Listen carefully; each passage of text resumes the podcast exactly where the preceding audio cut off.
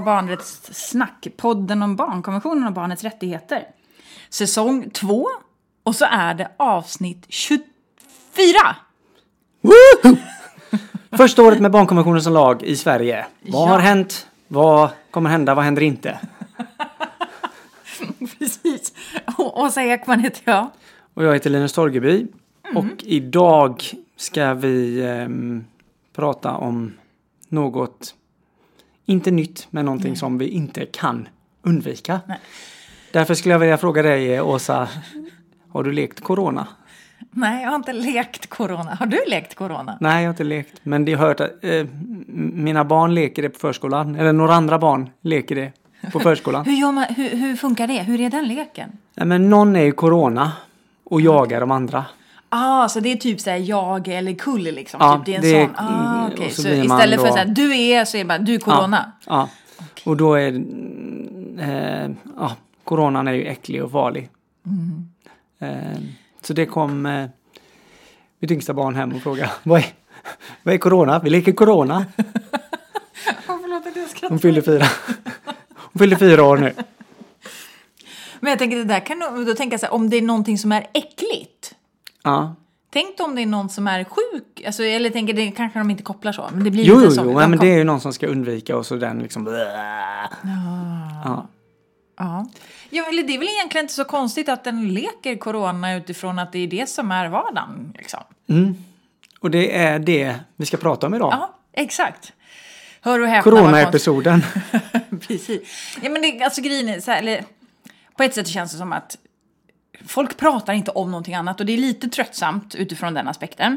Och samtidigt så känns det som att det folk kanske inte pratar riktigt lika mycket om är ju liksom Ja men hela den här, det läget som vi är i utifrån ett barnrättsperspektiv. Alltså utifrån att titta på barnets rättigheter.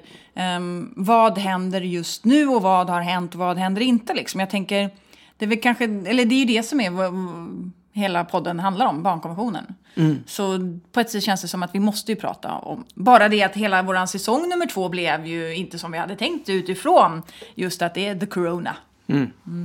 Och där är det ju, eh, när vi pratar barnrättsperspektiv, då tänker jag direkt på eh, till exempel här, ska grundskolorna stängas eller inte? Exakt. Det har ju pratats att, eh, det vill säga att vi har pratat om det och det har pratats om eh, barnrelaterade saker men ofta utifrån ett vuxenperspektiv eller frågor på presskonferenser eller hur man bedömer olika saker eller smittar barn eller inte eller sådär. Eh, men nu ska vi försöka vända på kuttingen som man säger här i Göteborg. Man, jag vet inte, du kan säga, jag har aldrig sagt det. Jag tror faktiskt aldrig jag har sagt Nej, inte jag heller. det. Men, Vända ja, på skutan. ja. Ja. Kan, vi inte ta, kan vi inte ta något modernt? Ja, ehm, ja, jag kommer inte på något modernt. Nej. Nej, men helt enkelt lite, ja, lite om eh, corona utifrån ett barnrättsperspektiv. Och då tänker jag lite så här, vi kanske ska börja den då. Vad, vad skulle egentligen ett barnrättsperspektiv på the corona vara? Ehm, det jag tänker på är ju att försöka då se det ur flera vinklar som barnkonventionen hjälper oss att göra. Alltså ett, en utmaning eller en fråga eller ett område eller vad det nu är. Eh, utifrån, en, ehm, utifrån flera vinklar som vi får hjälp av i barnkonventionen och kolla på, på det. Men ehm, och det finns ju så många olika delar här. Eh, hur börjar vi? Ja, men jag tänker lite så att eh, om vi nu ska prata om det utifrån ett barnrättsperspektiv, då tycker jag som, ja, som du säger att vi tar hjälp av konventionen. Och då brukar vi ju ofta säga att ja, men barnrättsperspektiv, ja men då är det ju i alla fall att vi använder oss av liksom, konventionens grundprinciper eller huvudprinciper, artikel 2, 3, 6 och 12. Så det blir någonstans något form av minimum att titta på det utifrån artikel 2, 3, 6 och 12. Liksom. Icke-diskriminering, barnens bästa, rätten till liv och utveckling och rätten att göra sin röst hörd. Det blir någonstans, tänker jag, ett minimum att alla åtgärder och allting vi gör ska vi liksom granska eller använda oss av de här artiklarna. Men om vi vill göra det på riktigt och ännu bättre så måste vi också då tänka oss utifrån liksom artikel 4. Eh, utifrån liksom, är det här prioriterat? På vilket sätt är det? Syns det i resurser och så vidare till exempel. Eh, också utifrån artikel 42 om att barnet måste ha, ha rätt till information om sina rättigheter och så vidare. Men också att barn ska skyddas eh, från våld, artikel 19. Så jag tänker, om vi använder oss av egentligen det typ som från av så här mall, granskning, lager, filter liksom och synar det vi har gjort och inte gjort utifrån de här artiklarna. Då landar vi ju, tycker jag, i barnrättsperspektivet på liksom corona. Mm. Mm. Och det första då tänker jag att man behöver göra är ju lite att kanske, alltså en första frågeställning är ja, men hur påverkas barn?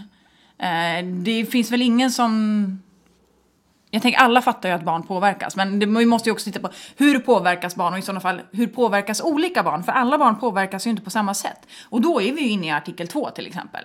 Mm. Men så här, generellt, kan vi inte prata lite om hur barn faktiskt påverkas? Mm. Och där tänker jag direkt att en vanlig röst har ju varit att barn påverkas inte av detta. Men jag fattar inte, hur kan, hur nej, kan man men inte... för att man just anlägger liksom det här kliniska perspektivet att ja, men barn blir inte smittade. Det här är inte farligt för barn, tror vi, förutom kanske några. Och också det här att man har sagt, tänk nästa gång det kommer en pandemi och barn blir så sjuka också. Mm. Och i och med att man säger det så blir det också att man på något sätt vinklar bort det från att ja, men barn påverkas inte mm. på samma sätt. Mm. Och också att fokuset har varit på um, um, de äldre, alltså det 70 plus mm. har ju mm. liksom upprepats. Så att på ett sätt så, så blir det ju också att där um, man vill ju helst inte, man vill ju på ett sätt säga, och man säger det och det finns ju rätt i det också att säga att de barn påverkas inte av själva kanske sjukdomen så mycket. Så. Men, ja, det beror på. Vissa ja, barn gör ju ja, faktiskt det. Ja. Mm. Men, men just att det blir en sån eh, eh, förskjutning bara på grund av det. Så. Mm. Eh, men hur, eh, så det var den första tanken jag hade. Mm. Ja, men det finns ju jättemånga olika sätt som barn påverkas. Mm. Eh, ja, det jag tänker eh, som har varit superaktuellt är ju alla aktiviteter som barn har. Ehm, Exakt. Judoträningar som får hållas utomhus. Mm. olika träningar och aktiviteter som ställs in. Mm. Gruppsamtalsaktiviteter som barn som alltså kanske olika stödfunktioner ja, eller stödsamtal som barn har. Specialgrupper ställs in, mm. scoutläger, eh, andra läger. Eh, ja, men mycket som, som sätts på paus eller som förändras. Mm. Eh, ledare som kanske inte kan delta som mm. betyder jättemycket för ett barn för att de är i riskgruppen. Exakt, exakt, ja. Eh, ja, det är mm. väl en sån jätte... En punkt. Vad har vi mm. mer? Ja, men och då kommer vi in också tänka så här, alltså ja, barnens fritid eller fria tiden, ja men ja. den påverkas ju jättemycket liksom såklart. Um, men jag tänker också, det beror också på om vi nu pratar Förskolor och eh, grundskolorna är ju inte stängda, men gymnasierna är ju stängda. Mm. Uh, och det här påverkar ju liksom olika barn på olika sätt. Verkligen. Såklart, både att få vara kvar i skolan men också att faktiskt inte få vara i skolan. Eh, utan att ha liksom någon form av distansundervisning eller nödundervisning tror jag de så kallar det ibland eh, också. Eh, det är ju också en sån sak som, och det kan jag tänka att vi får prata liksom ganska mycket mer om just skolsituationen. Men barnets liksom nätverk riskerar ju att minimeras. Alla mm. barn som till exempel inte kan ha kontakt med sina far och morföräldrar. Mm. Eh, och att det kan vara jättesmärtsamt för väldigt, väldigt många barn. Och det kan ju vara också de som är den trygga punkten för många. Ja, verkligen. Ja, mm. det tror jag är sån eh, stor del i detta. Att, mm. att eh, nätverk som hämtar barn kanske flera gånger Exakt. i veckan eller mm. tar hand om dem på helgerna. Mm. Alltså, eh, ja men jättestor eh, in, påverkan tror jag det har. Mm. Precis, eller de också som kanske, alltså barn som föds just nu.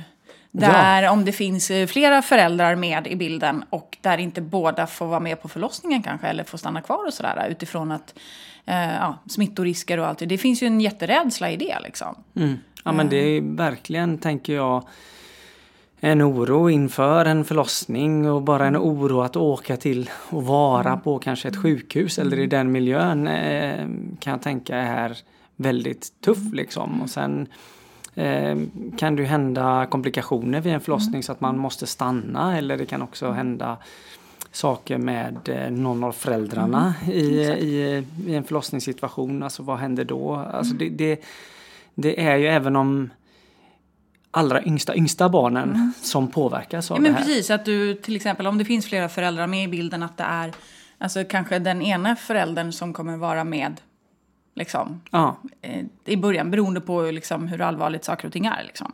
man vågar inte träffa sin eh, föräldragrupp, alltså som man kanske har varit med och som, som, som vi vet är ett, ofta ett bra stöd de första månaderna eller året. De kanske man inte vågar träffa eh, så att man hamnar väldigt ensam i sitt nyblivna föräldraskap. Eller, och det lilla barnet blir väldigt utlämnat till eh, bara sina föräldrar. Och där kan det också finnas eh, problematik kring det.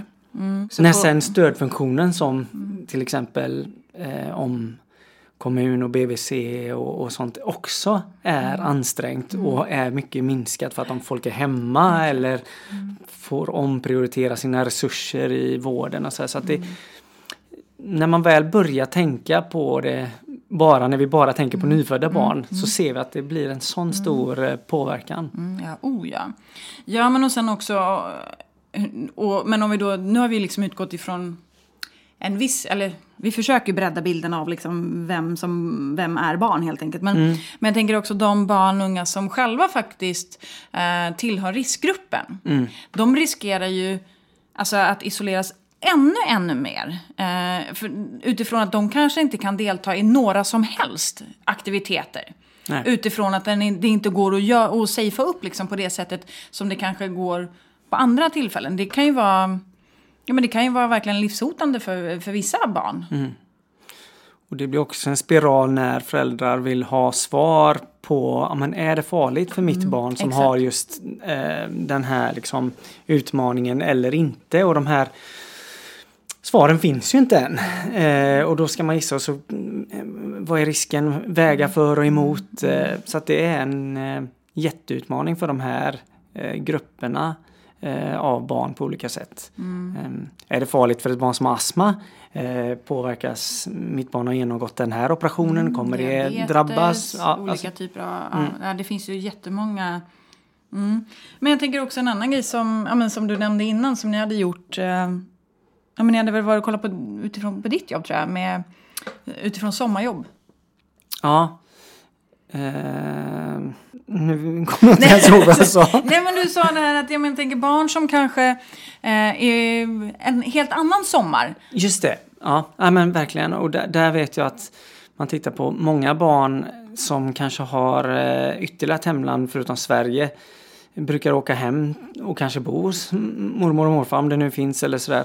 Eh, och leva Över där. hela sommaren Över hela Mm, sommaren. Och de får nu stanna i Sverige eftersom det är reserestriktioner. Mm. Eh, vilket innebär att det kan ju bli en påfrestning också. Så, så att Mm. där finns ju insatser som kan göras med liksom sommarjobb och sådär. Så att, ehm, ja, men det blir ett helt nytt sommarlov. Exakt, exakt, ja. ehm, så, på grund av detta. Mm, jo, sen tänkte jag vi inte pratade om också, men jag tänker ah, andra olika typer av saker som stänger ner, inte bara liksom fritid utifrån idrott, utan bibliotek som har stängt. Mm. Ja visst. Alltså biblioteken är ju en sån, alltså det är ju, ja, sån sjukt viktig demokratisk arena på så många olika sätt. Ja men verkligen. Eh, och, där, och där kan det ju vara liksom öppettiderna ändras och men det har heller kanske inte kommunicerats till barn. Alltså går man in särskilt och, och barn kanske då som också blir skrämda eller oroliga för situationen får inte den här specifika informationen som, om vi nu ska titta på artiklar, alltså barn har rätt till saklig information och bra information. Och där gäller också att hela det här sammanhanget kring barnet måste rikta sin information på ett tydligt sätt. Och sen då tänker jag en, en sak som vi inte har nämnt men som vi måste nämna är ju alla de barn som lever i familjer där det inte faktiskt är trygga förhållanden. Barn som eh, lever i familjer där det finns våld eller där det finns liksom psykisk sjukdom eller missbruk. De barnen riskerar ju att råka ännu mer illa ut. Ja. Eh, för det säger ju typ alla. Eh, och när man tittar på liksom vid isolering eller när det faktiskt, alltså när familjer is- isoleras så eskalerar våldet. Och här tänker jag igen då på barn Och det, det, tycker vi är fantastiskt att skolorna har hållit uppe mm. i Sverige, eller grundskolorna. Mm. Eh, men vi vet ju också att de här barnen som är då mellan 0 till 2 år, alltså innan mm. man börjar kanske förskolan. Eh, där vet vi också att de är en, en grupp som inte alltid blir synliga förutom hos BVC mm. kanske då. Mm. Och för dem är det ju extra utsatt eh, nu då. Ja men och där är det ju liksom, när man tittar på riskfaktorer för våld så är ju just isolering eller saknad av nätverk, liksom yttre stress, ekonomi till exempel, mm. alla eh, där liksom i familjer där människor förlorar sina arbeten. Alltså det finns ganska många saker som liksom, om man nu ska titta på någon form av box mm. kring riskfaktorer för barn att utsättas för våld så finns det ganska många med just i det läget som vi är nu där vi kan liksom tyvärr kryssa i rätt mycket. Så att och det måste vi vara medvetna om. Och jag tänker, vi kanske inte, om vi ska prata om några av de här positiva sakerna eh, mm. som också görs med det här, så är det ju till exempel, det har tillsatts extra medel nu liksom för organisationer som jobbar eh, med liksom framförallt då kvinnor och barn. Eh, när det handlar om boenden och så vidare, liksom tjej och kvinnojourer, eh, BRIS också. Alltså det är ganska många organisationer som, som kommer få extra medel för det. Vilket är, är jättebra och väldigt många tycker jag som du nämner, mycket insatser. Att till exempel majoriteten av skolorna, alltså, eller förskolor och grundskolor ändå håller öppna, har ju gjorts med åtanke på barns situation. Mm. Och det tycker jag är viktigt. Det är ju mycket av de här åtgärderna som är där barnet någonstans finns. Man har tittat utifrån barnets behov kanske. Eh, man har tittat utifrån vad som liksom så generellt anses kanske är bra för barn och viktigt. Men jag vet inte om jag har sett så mycket att man pratar om det i termer av rättigheter. Nej. Nej. Vad tänker du kring det liksom, när, när du tittar på alla de här äh, insatserna? Liksom? Nej men där tänker jag att eh, ett barns hälsa bestäms mer av eh, hälsoperspektivet är brett. Och det tycker jag mm. Folkhälsomyndigheten har lyft upp på ett bra sätt. Att det mm. finns flera saker som är viktigt för ett barn. Um, och, och, och, där är det på något sätt viktigt att se det. Sen kan jag tänka liksom att ja, men vissa skolledare och så som jag pratar med pratar om att ja, men det är ju fortfarande skolplikt mm. och, och, att det är viktigt att eh, man ska gå i skolan och det ska vi lösa och sådär. Um, och det finns massa initiativ kring det. Men, men så att det är klart att där finns det liksom en rätt till utbildning och hur ska vi tillgodose det sådär. Men det, men det, det är ju inte sådär att man har gjort en omfattande barnkonsekvensanalys där man nej, tittar nej, på nej, samtliga rättigheter i barnkonventionen och säger men hur ska vi liksom um, Ja men det här som om man nu tittar på mm, som företag brukar säga men vi övervintrar. Alltså, och det tänker jag är ju eh, någonting vi har sagt innan också att barns liv hamnar inte på paus. Och, ja, men det finns flera sådana här uttryck.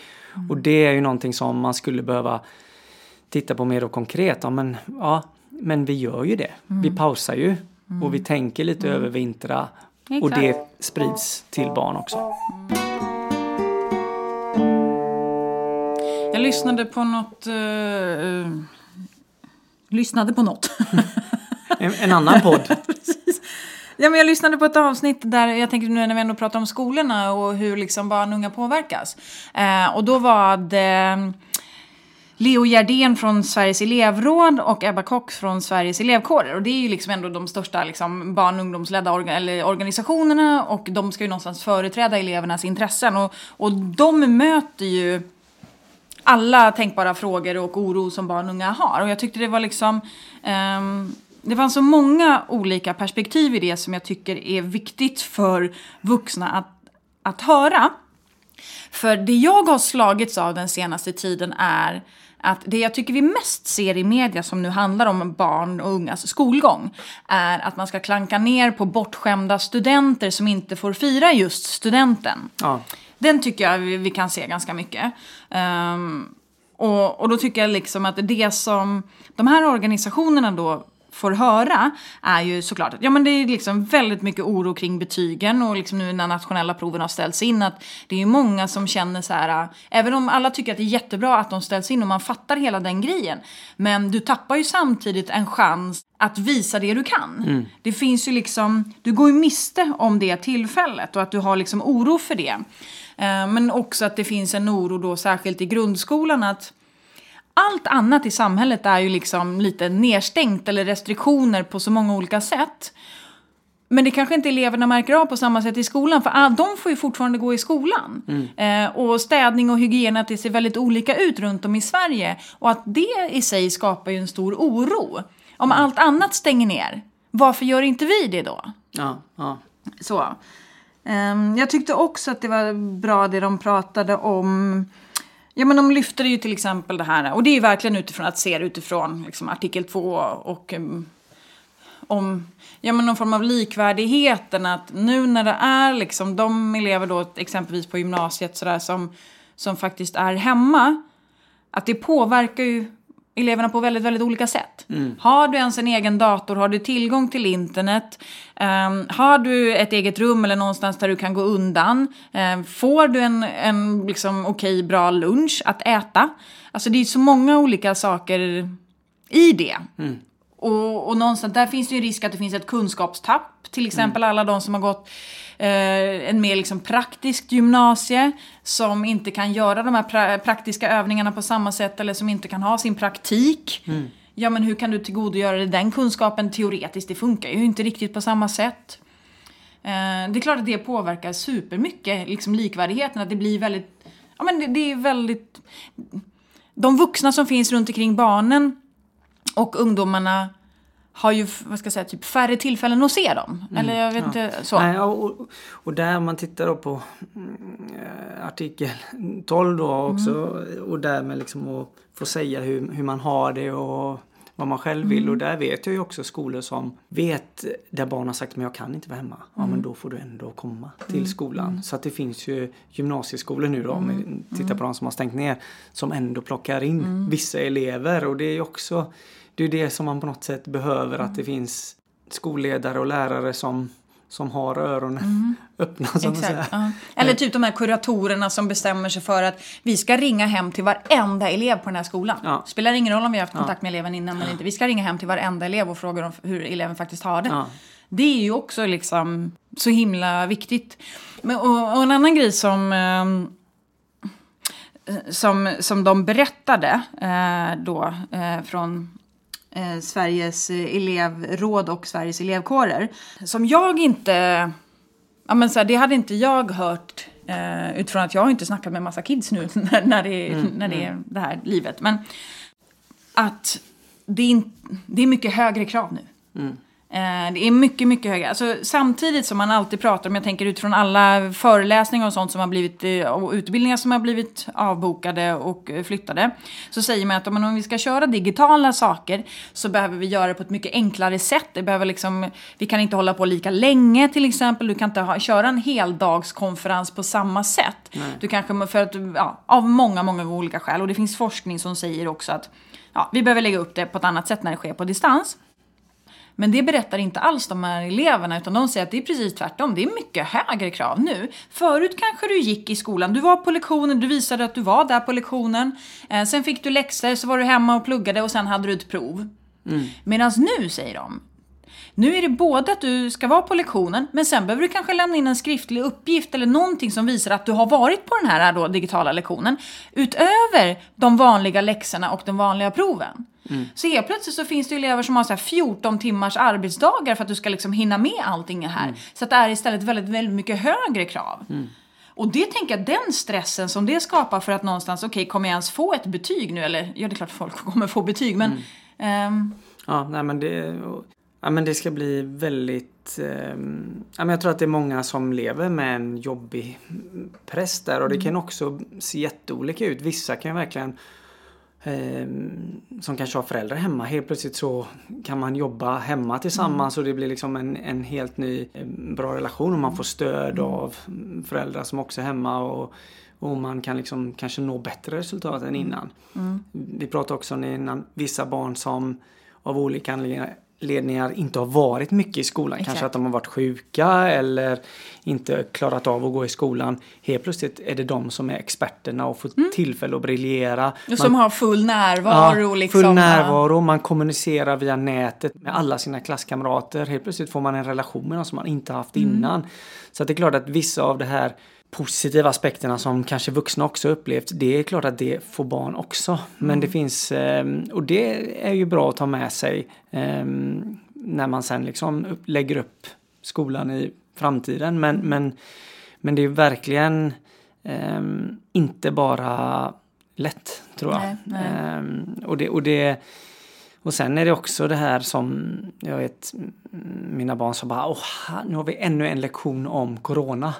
där, och det här var nog med, i synnerhet i början där man kände Nej men vi skulle ju prata om eh, Vi håller ju på med eh, vad heter det, första världskriget egentligen. Men vi pratade om corona. Ja. Och där är också, tänker jag, olika vuxna, olika personer som, som blir påverkade av det som känner att Nej, men nu måste vi prata om det här för att det här är aktuellt. Och barnen känner att de egentligen bara spyr på det, de vill inte höra mer om Nej, det. exakt. Eh, eh, Nej, exakt. Nej, men så är det ju. Ja.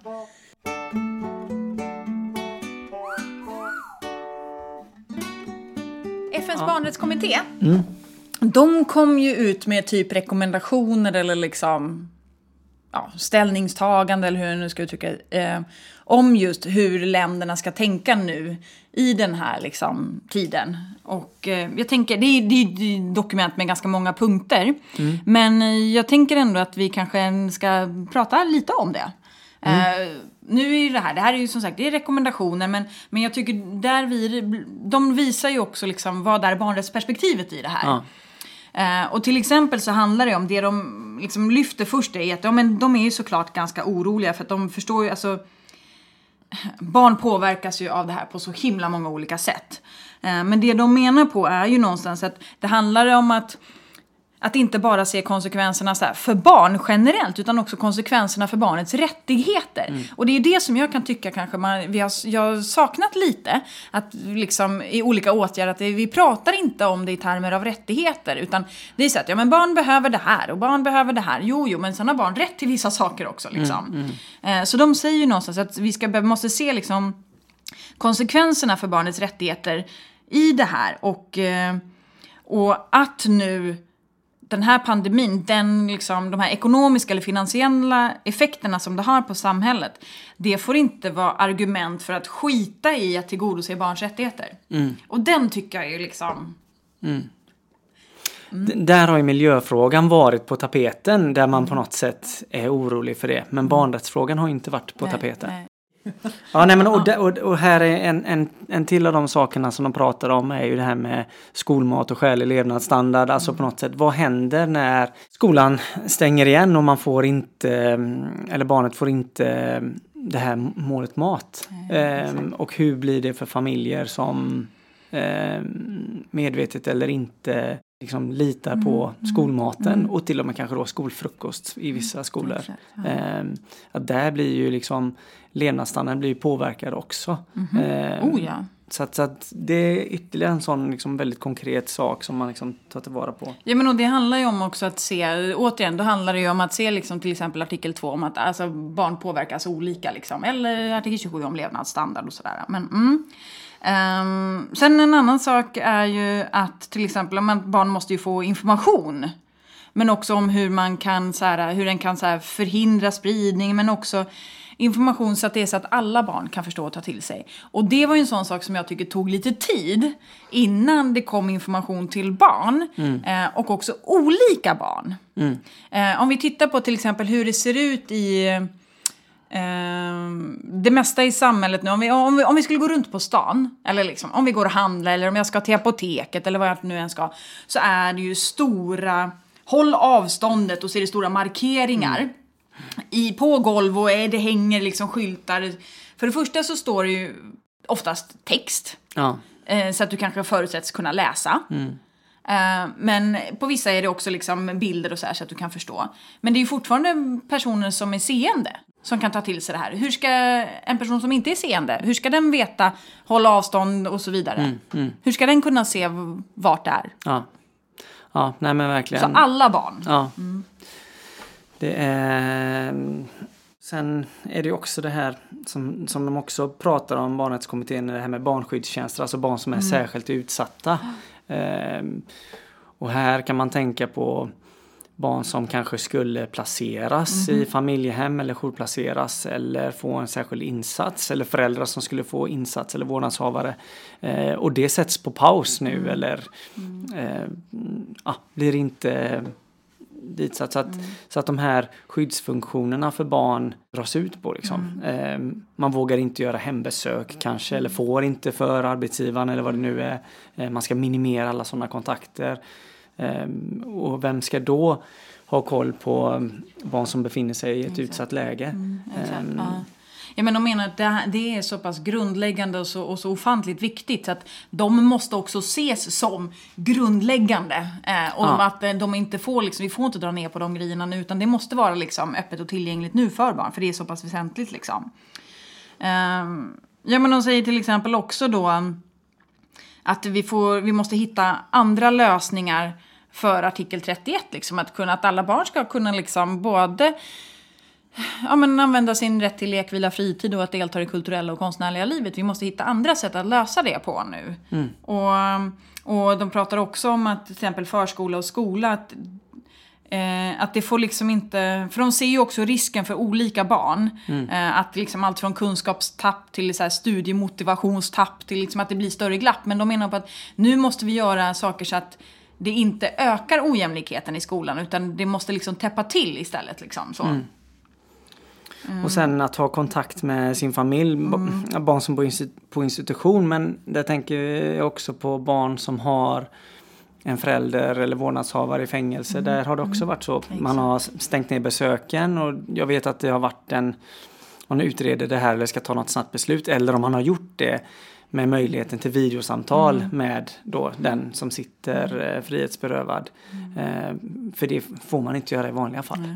Um, så att, så att det finns så många delar i det här som, som man måste tänka in. Det är mm. väldigt lätt att stänga ner snabbt för barn. Exakt.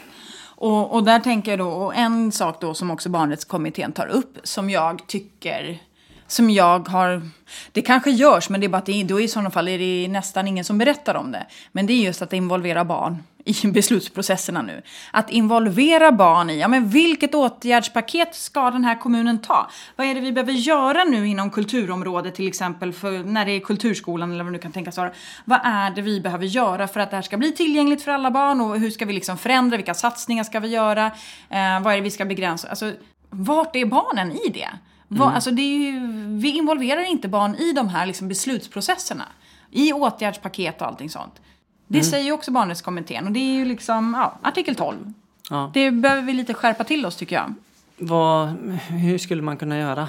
Har vi några konkreta tankar? Ja, men jag tänker det finns en massa olika sätt att göra. Mm. Um, ja, men om man tänker bara som så här, om man tänker, titta på alla dialogerna som eh, kommunerna har med sina eh, idrottsföreningar, eller det kanske ser lite olika ut i och för sig, men, eller med alla så här, näringslivet, med företagen i kommunen. Alltså, all, alltså, det, det tar, alltså nästan varje kommun tar ju ett åtgärdspaket som väldigt, väldigt många av de sakerna handlar om hur ska vi liksom stötta lokala näringslivet, de lokala företagen, hur ska vi göra det? Mm. Och då sker ju det givetvis med en dialog med dem. Men hur sker dialogen med barnen och unga? Hur ska vi liksom säkra eh, liksom, att vi får, ja, med likvärdigheten i skolan nu till exempel, eller hur ska vi göra Ehm, med sommarjobb till exempel. Alltså, ja. ja. Eller hur, vilka åtgärder är viktiga i den här kommunen? Mm. Har skolledningen haft en dialog med mm. elevrådet mm. eller ja. alla elever Exakt. som vill kring mm. okej okay, nu, nu mm. händer det här, mm. vad ska vi tänka på? Eh, Precis. Hur, jag, kan vi göra, hur ska vi göra för att inte liksom, de äldre nu som isoleras, vad ska vi göra eh, för att eh, liksom underlätta så att det inte blir den här extrema sociala isoleringen utan att det snarare bara är en fysisk distansering och så vidare. Alltså varför involverar vi inte barn i det? Nu avbröt jag dig jättehårt, förlåt. Nej, men, och jag, jag tänkte på den här isoleringen. Eh, faktiskt ett exempel som, som man gjorde hemma var att en klass på skolan började brevväxla med varsin mm. eh, som bodde på eh, äldreboendet. Ja. Så att de har fått eh, klasska, ja. Eh, vad heter det? Brevvänner. Brev, brevvänner. Ja. Jo men det är också, eh, ja. Men, men, men, och det får inte bara bli något gulligt, Nej. tänker jag. För Nej. att det riskerar ibland att bli liksom gulligt och det här med barn som handlar åt mm. andra och mm. sådär. Så det är inte bara mm. gulligt, det behövs. Alltså, mm. så, för det tänker jag också är, är någonting som också är väldigt viktigt eh, på något sätt att ja, men, barn behöver också känna sig behövda och sådär. Speciellt när det är oro tänker jag att då vill alla ha Ja, men du, jag tänker på det här, när någonting konst, jobbigt har hänt. Sätt någonting i händerna på någon, eller vet, gör någonting. Och så, och så hamnar barn bara i vägen och det är väldigt farligt tror jag. Nej, men jag tänker lite så här, ja, återigen, jag tänker om, om vi jämför alla de rösterna som hörs om hur alltså, olika branscher påverkas, alltså alla de uppropen som finns i att liksom, regeringen måste sätta in liksom, stödpaket till den branschen. Det måste vara paket till dem och paket till dem och paket till dem och liksom alla olika branscher som liksom säger att hej, hallå, vi riskerar att gå under. Eh, och det är ju viktigt att eh, alla får Ja. den hjälpen de behöver. Men vart kan barn göra det uppropet? Ja. Vart kan barn säga hallå, vi är helt bortglömda här? Det finns ju typ inte.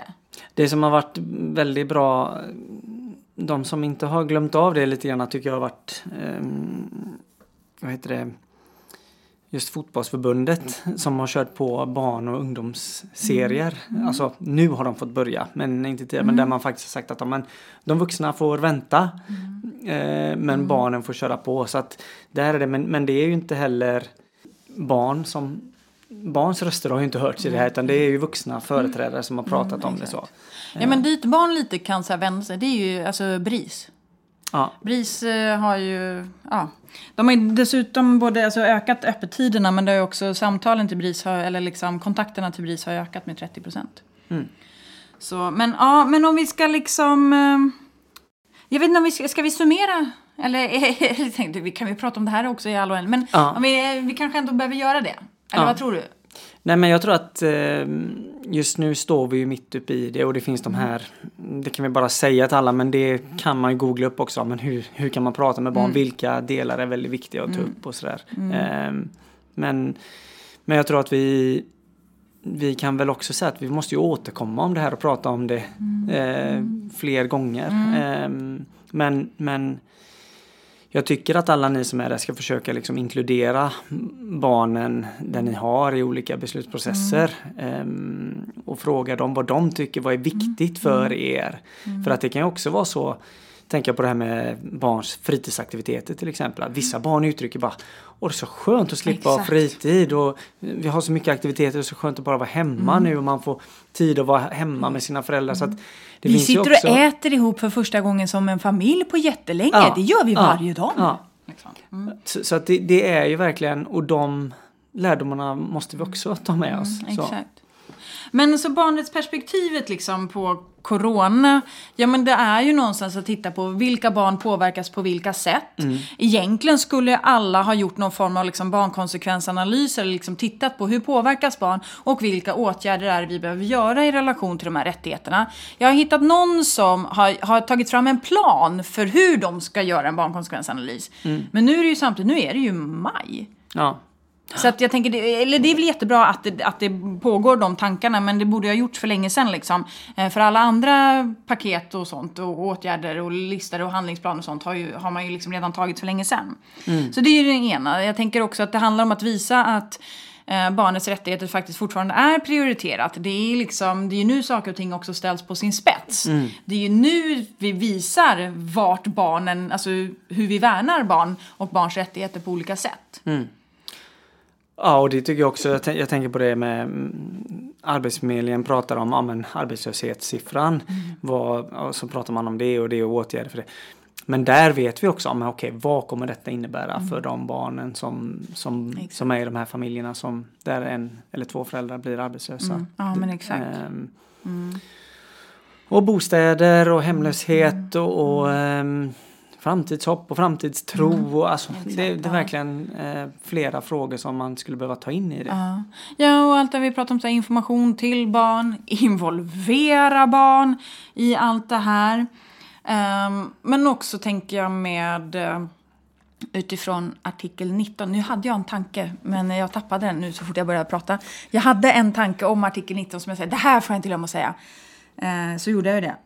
Det var något om eh, frihet från våld, att skyddas från våld. Ja, vi får prata om något annat så länge så kanske Ja, det kommer. och jag kom på en helt annan grej då. I, I det andra diket, det var liksom barns humor och upplevelse av det här.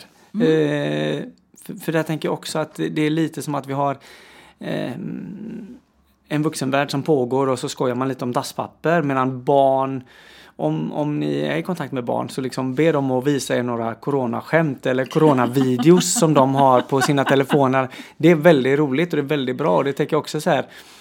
mm, Ett av råden brukar vara så här, men prata om corona på barns villkor. Men kolla också alla de här roliga grejerna som de, hur de också bearbetar och tänker kring det här. Det är ett eh, väldigt bra tips. Ja. faktiskt. Ja, och då kan man ju också eh, bara tipsa om något annat. Att eh, Uppsala universitet eh, har just nu påbörjat en forskningsstudie, vad, alltså barns tankar om corona. Eh, så, så den kan en så här googla fram, så kan du liksom göra den tillsammans med barn. Utifrån att liksom, ja, samla in det. Det tänker jag är en superviktig grej. Ehm, och jag tänkte också på att vi kanske så här, inte bara avslutar om hur, hur tungt och svårt allting är, utan också lite... Nej, men jag tänker, det, det, samtidigt så blir det, blir extra viktigt för alla oss vuxna att vara barnrättskämpar just nu. Och faktiskt se de barn som finns runt omkring oss. Och vi måste också faktiskt anmäla till socialtjänsten när vi är oroliga för ett barn. För det är så himla många barn som riskerar att fara väldigt, väldigt illa. Så är det. Vi kan liksom inte... Och vi måste då också vara beredda på att ta emot de här berättelserna. Barns berättelser. Mm. Och för, här, för här ser vi och hör alltså barn som har varit frånvarande, som, som då går i grundskolan, som inte har varit i skolan på fyra, fem, sex veckor. Exakt. Och det kanske har varit föräldrar som helt plötsligt, för jag menar, det säger ju väldigt många att jag upplever någon slags oro som jag, och då kan det finnas föräldrar som gånger tio upplever den här oron och känner att "Nej, men, nu bara låser vi in oss här. Ehm, så att, och det tycker jag också är liksom en, en orosanmälan. Eller känner du den föräldern eller barnet så ring och kolla hur det går och man ska ta en promenad eller alltså. eh, Vi måste våga fråga. Mm. Och se barn. Alltså se barnet och se rättigheterna. Verkligen.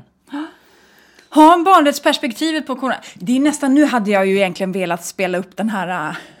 Nu kommer jag inte ihåg vad personen hette, men det var ju något klipp som cirkulerade. En, äh, en, en äh, ung person som äh, hade spelat in en låt. Jävla skit! Jag kan inte gå dit! Covid-19 fuckar upp alla ungars liv! Ja, ja, den hade jag velat spela nu. För den kanske inte var så peppig.